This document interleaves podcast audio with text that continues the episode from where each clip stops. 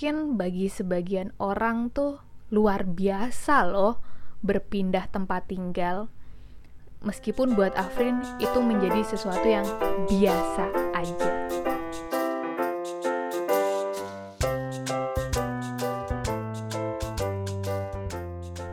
Mungkin dilihat dari background keluarga juga nih.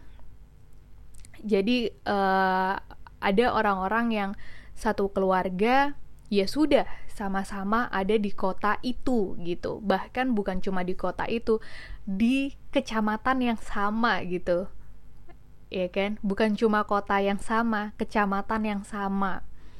Atau ada yang mulai dari kakek nenek uh, sampai buyut-buyut nenek moyang kesekiannya ada di perkampungan yang sama ada di perumahan yang sama. Ada kan pasti yang seperti itu Nah, tapi ada untuk sebagian orang yang ya ya udah mau keluarganya di luar negeri itu sesuatu yang biasa saja gitu. Jangankan di beda kota, di beda negara aja udah sesuatu yang biasa dan nantinya juga pasti akan pulang kampung kok, akan bisa bertemu setiap tahunnya atau nggak bertemu setiap tahun pun nggak masalah. Nah, setiap orang punya beda-beda persepsi masalah itu. Nah, buat Afrin, tinggal di kota berbeda dengan keluarga itu sesuatu yang biasa aja. Tapi ternyata setelah ngobrol dengan beberapa teman, itu sesuatu yang keputusan yang luar biasa. Nah, buat sebagian orang, keluarga tuh juga harus kumpul. Makan gak makan, yang penting kumpul ada tuh pernah dengar nggak sih pribahasa kayak gitu? Bukan pribahasa ya ya intinya kata-kata seperti itu. Tapi buat Afrin no. Kita mending makan kenyang meskipun nggak kumpul. It's okay yang penting bertahan hidup. Itu kalau menurut Afrin. Ya menurut orang uh, boleh lah ya berbeda pendapat ya. Jadi pilihan Afrin untuk pindah ke Jakarta pun itu sesuatu yang biasa menurut Afrin pribadi. Karena dari sisi keluarga dari dulu dari mulai Afrin umur berapa ya? Nah, sekitar kelas 5 kelas 6 SD kebetulan bapak itu juga udah tidak tinggal bersama. Bukan cerai bukan. Tapi memang uh, memilih bekerja di kota lain yang jauh dari keluarga. Waktu itu uh, bekerja di Riau, sedangkan keluarga dan Afrin tinggal di Jember, Jawa Timur. Udah beda pulau kan tuh. Nah, setelah itu uh, kakak Afrin uh, pergilah kuliah ke Surabaya, di mana itu juga udah beda kota ya. Meskipun masih satu pulau masih satu provinsi tapi beda kota di Surabaya.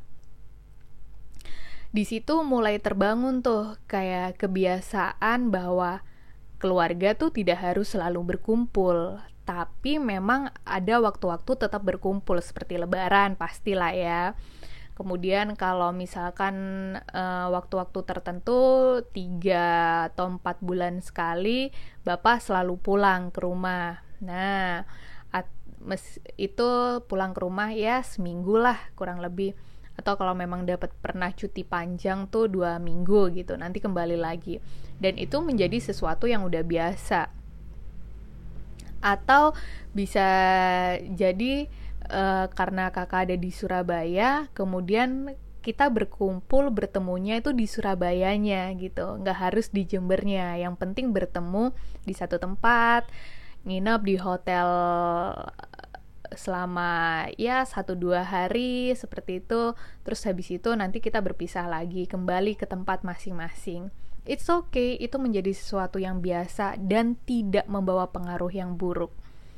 Ya keluarga tetap harmonis, tetap hahaha, ketawa, bahagia, dan itu sesuatu yang menyenangkan. Dari situ menjadi hal biasa buat Afrin untuk berpisah dengan keluarga untuk menjalani kehidupan masing-masing.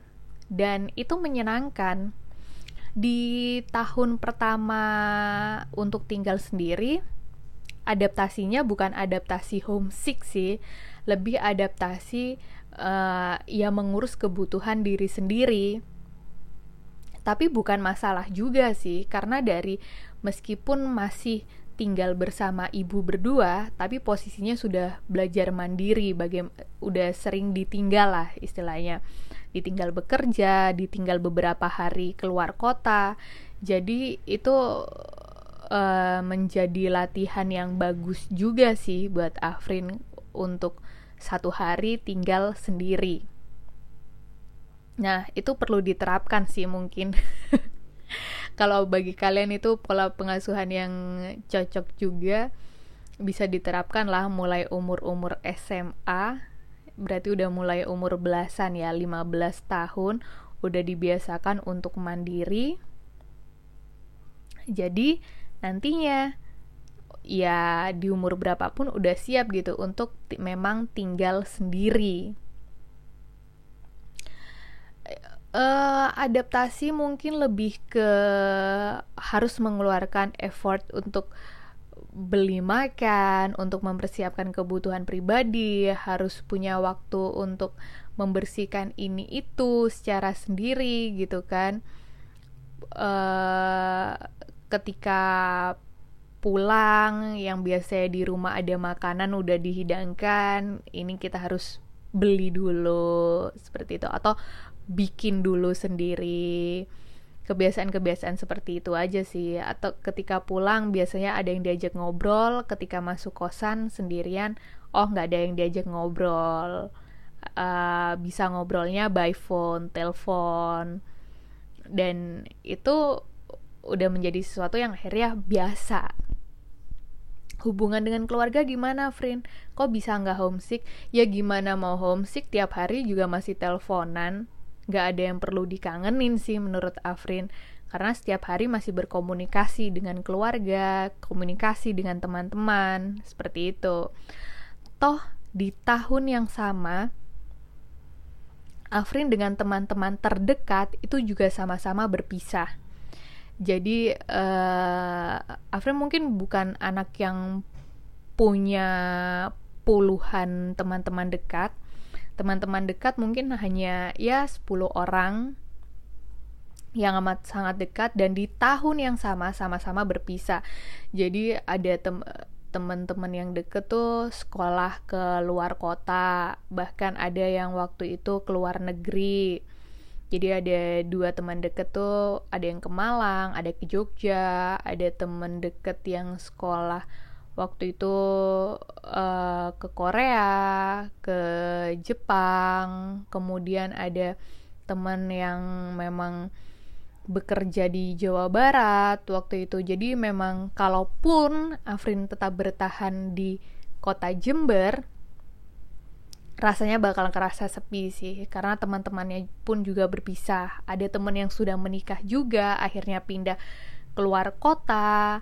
Nah, dari situ justru menjadi sebuah rasa syukur yang amat sangat. Karena di tahun yang pas rasanya untuk pergi uh, memilih pilihan bekerja di luar kota. Dan di tahun yang pas rasanya bisa berproses bersama teman-teman untuk kehidupan yang selanjutnya.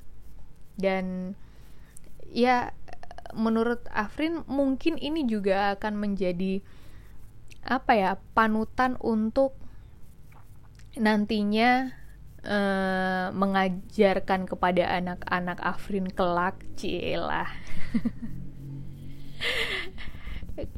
di mana uh, seseorang tuh harus mulai diajarkan mandiri dari kecil gitu. Mandiri dari mengurus dirinya sendiri sesuai dengan umurnya. Ya memang nggak yang tiba-tiba dilepas gitu yang kemudian di harus misalkan SD harus bisa cuci semua sendiri harus bisa gini.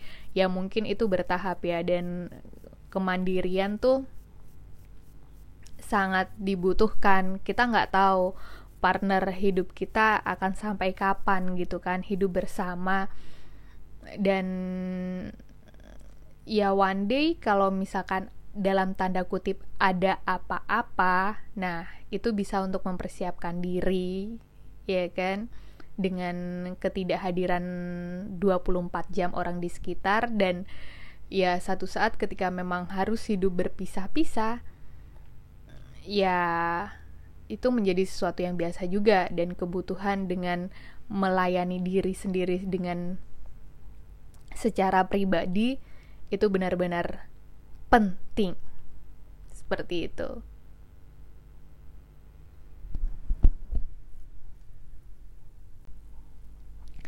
Bukan berarti juga akhirnya terbiasa mandiri, nggak perlu dengan kehidupan orang-orang sekitar. Tetap perlu lah, perlu temen untuk bantu sesuatu, untuk uh, nemenin kalau misalnya sakit.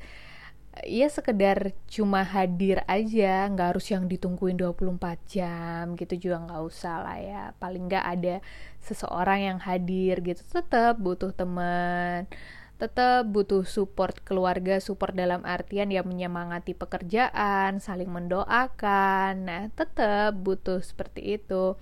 Dan akhirnya juga tidak membuat Afrin menjadi seseorang yang terlalu egois juga yang ah ini aku bisa sendiri. Ah semuanya di dunia aku bisa sendiri. Nggak juga tetap butuh. Apalagi butuh yang namanya pertolongan Tuhan ya. Itu pasti ya intinya kita harus siap dengan kondisi apa pun sendirian ya justru akhirnya Afrin bersyukur bisa melakukan sesuatu secara sendirian, mau pergi ke mana-mana sendirian, mau melakukan apa sendirian. Di satu sisi Afrin bersyukur karena nggak semua orang itu bisa menghadapi sesuatu sendirian dan melakukan apa pun dengan sendirian.